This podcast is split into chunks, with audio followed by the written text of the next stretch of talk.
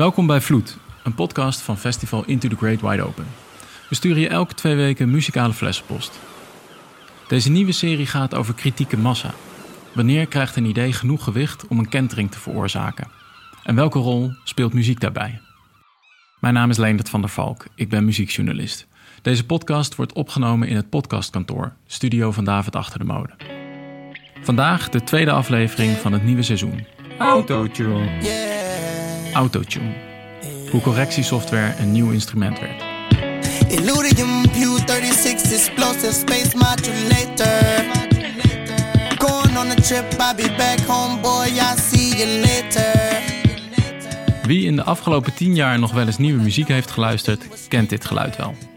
Autotune. In de basis is het een correctietechniek om valse noten recht te trekken, het is inmiddels uitgegroeid tot een nieuw instrument, door pionierende artiesten zoals T-Pain, die je net hoorde. De vervormde zangstem van de 21ste eeuw is op zichzelf al een fascinerend verhaal, maar de geschiedenis van de stemvervormers gaat veel verder terug, tot de Tweede Wereldoorlog. En waar de technologie sommigen aan grote hits hielp en anderen hielp zingen, hielp de robotstem één componist ook bij het ontwikkelen van zijn eigen identiteit. Of eigenlijk moet ik zeggen, haar identiteit.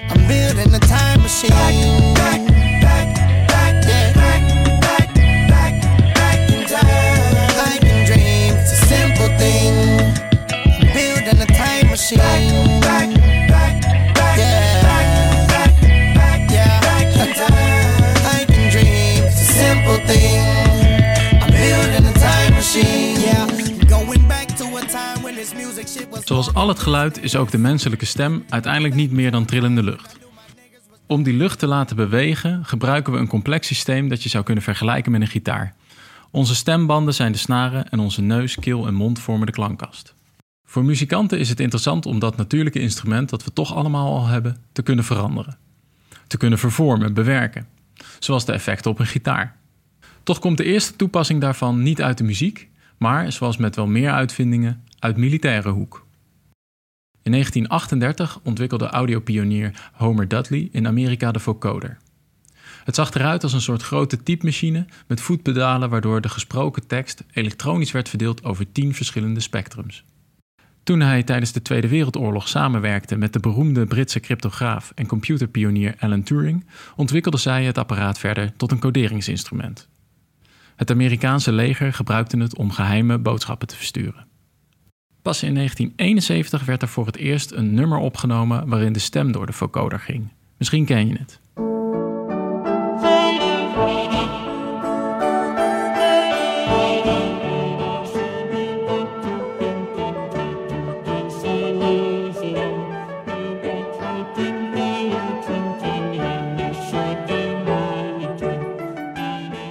De hoofdpersoon van Stanley Kubrick's film A Clockwork Orange, houdt nogal van Beethoven. Kubrick had componist Wendy Carlos gevraagd om aan de soundtrack te werken. Ze was beroemd.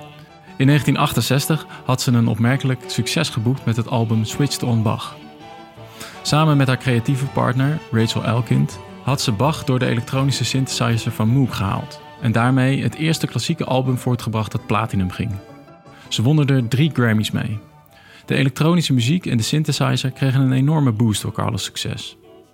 Voor Clockwork Orange bogen Carlos en Elkind zich over de negende symfonie van Beethoven. Dat beroemde stuk van Alle mensen werden broeder draait voor een groot deel om het koor. En dat gaf Carlos de mogelijkheid om te doen wat ze eigenlijk al wilde sinds ze in 1964 op de wereldtentoonstelling voor het eerste vocoder had gehoord.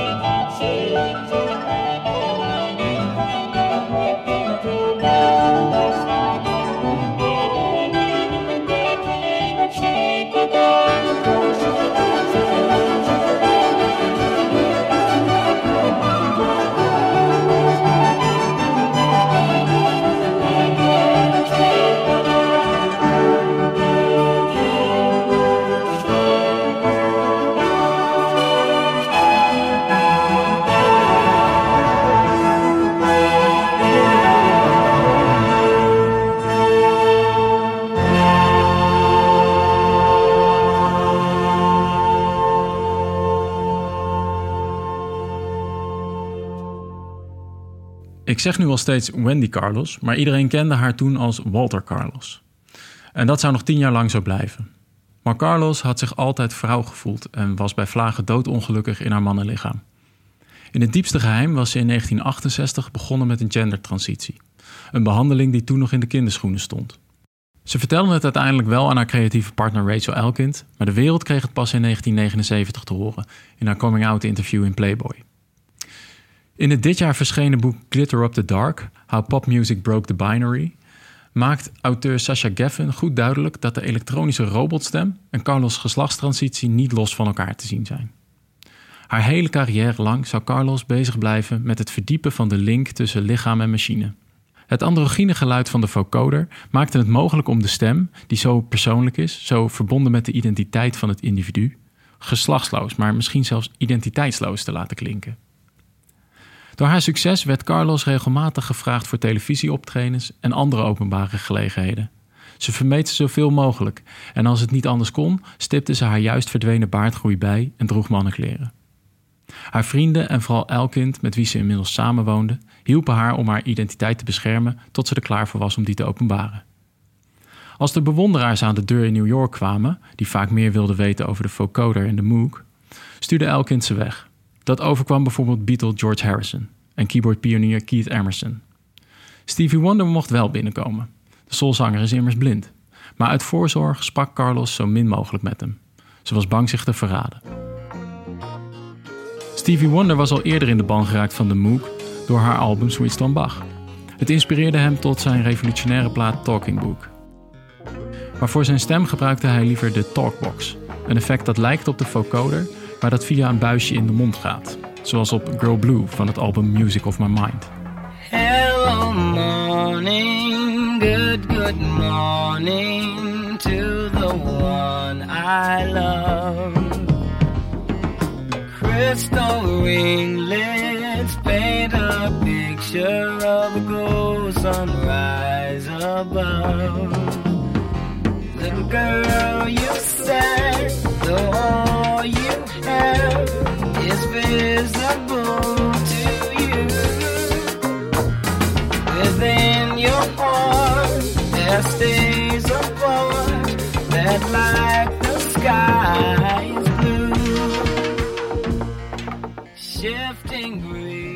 De Talkbox zullen we straks nog terug horen, maar een bespreking van de vocoder en elektronische muziek is natuurlijk niet compleet zonder krachtwerk. De Duitse band ging verder waar Carlos gebleven was. De avant-gardisten zochten naar een volledig elektronische sound. Opnieuw met veel hulp van de Moog synthesizer en de vocoder, waarvan ze custom-made apparaten hadden om aan hun specifieke wensen te voldoen. Samen met Wendy Carlos zijn zij de belangrijkste pioniers voor de ontwikkeling van elektronische muziek tot een apart genre en de stem als een instrument waarmee geëxperimenteerd mag worden. Zo klonk Kraftwerk in 1977.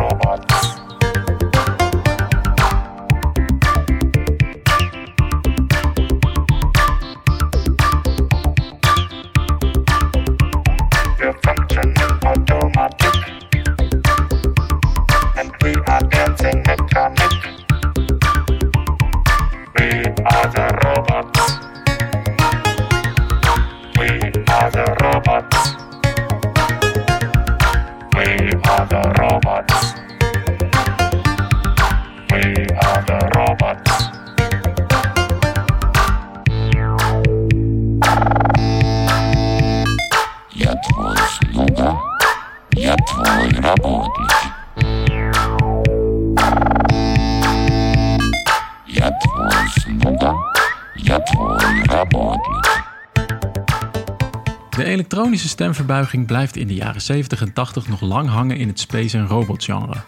Toch vooral voor een grappig effect. Een enkeling bouwt al wel een hele carrière rond de techniek, zoals Roger Troutman. De funkzanger en multi-instrumentalist en oprichter van de band Zap gebruikt vrijwel uitsluitend de Talkbox in combinatie met de Minimoog. In de jaren 70 en 80 zijn Troutman en Zapp behoorlijk succesvol en werkt hij samen met Bootsy Collins en het spacey funk collectief Parliament Funkadelic.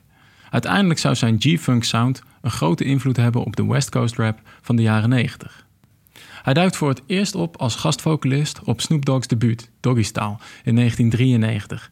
En in 1996 imiteren muziekliefhebbers wereldwijd zijn talkbox-effect als ze meezingen met de hit die wekenlang in de top van de hitlijsten staat. Troutman is de gast bij Tupac en Dr. Dre.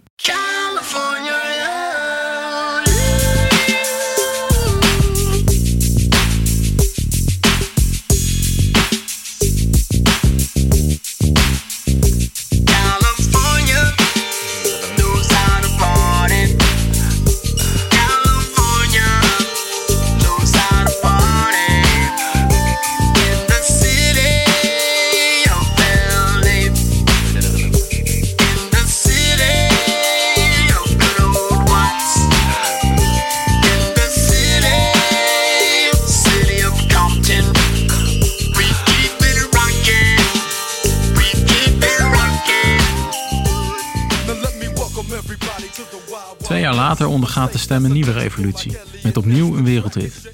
Ditmaal komt de innovatie eens niet uit de oorlogsvoering. De autotune software wordt ontwikkeld door Andy Hildebrand en was bedoeld om in de studio kleine correcties toe te passen als de zanger of zangeres er even naast zat. Autotune was dus aanvankelijk bedoeld om discreet te gebruiken. Niet elke zanger zal graag toegeven dat er in de studio wat valse noten moeten worden rechtgetrokken. Maar zangeres Cher is uit een ander hout gesneden. Haar producers gebruiken autotune in de studio en ontdekken dat als je die op de heftigste stand zette, er een raar robotachtig geluid uitkwam. Het leek wel een beetje op de vocoder, maar het bleef dichter bij het originele stemgeluid. Believe werd een gigantische hit voor Cher, die tot dan toe vooral folk en poprock zong en nu opeens een soort clubhit had. Ze verkocht 11 miljoen singles wereldwijd en stond in Amerika en de meeste Europese landen, waaronder Nederland, op nummer 1 met de allereerste autotune hit ooit.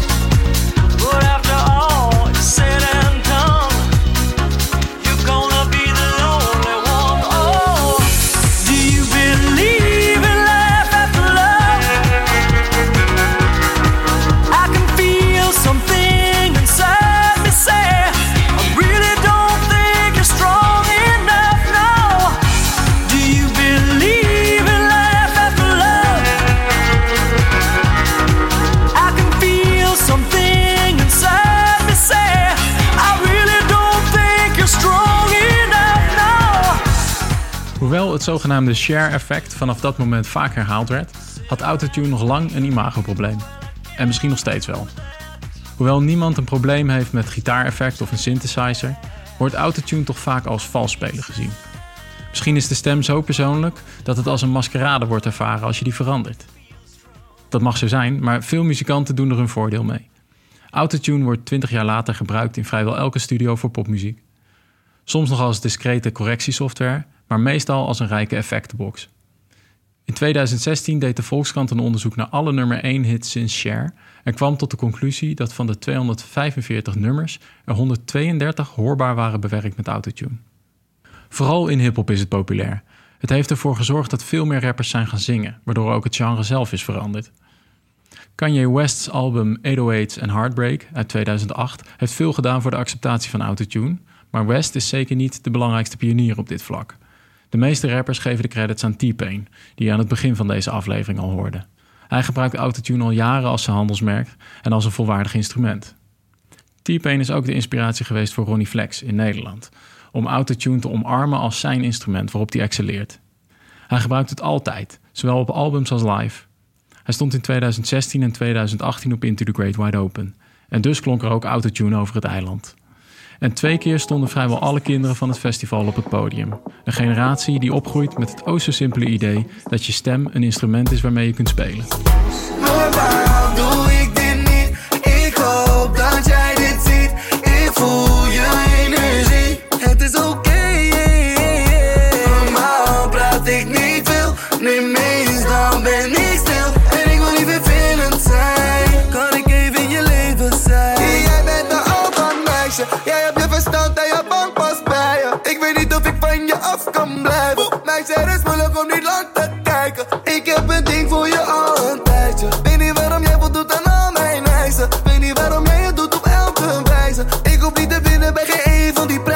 Zolang ik jou heb, sta ik met benen op de grond. Ik ben altijd bij je. Soms ben je mijn broertje, net als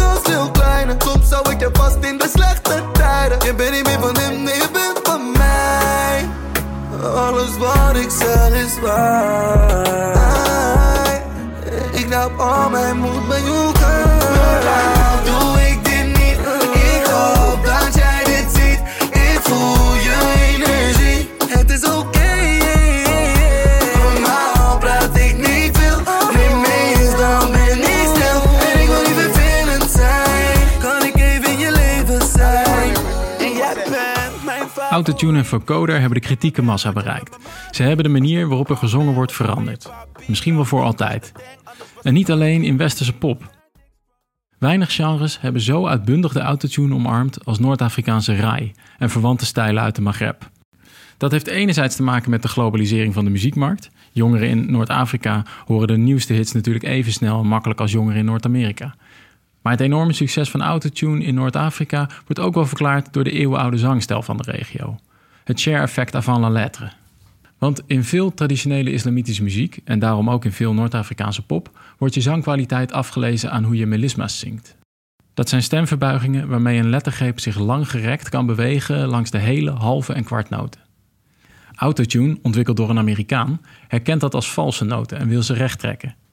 Doordat artiesten als Ronnie Flex en T-Pain autotune niet alleen als correctie gebruiken, maar juist ook als effect, hoor je die onbedoelde foutjes, die melisma's, juist ontstaan in hun muziek.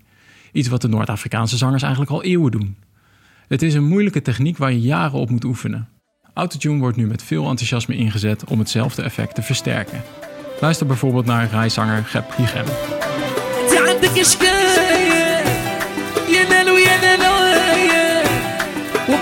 كلمة فداية لا نالو يا نالايا جاية تقولي لي نرميك آه تقولي لي نرميك راني خايف والله شي لا نالو يا نالا بزاف راني ندوشي لا لا لا يا لا لا آه قلبي بزاف عليه واه قلبي بزاف عليه ايوا انت عندك اشكايه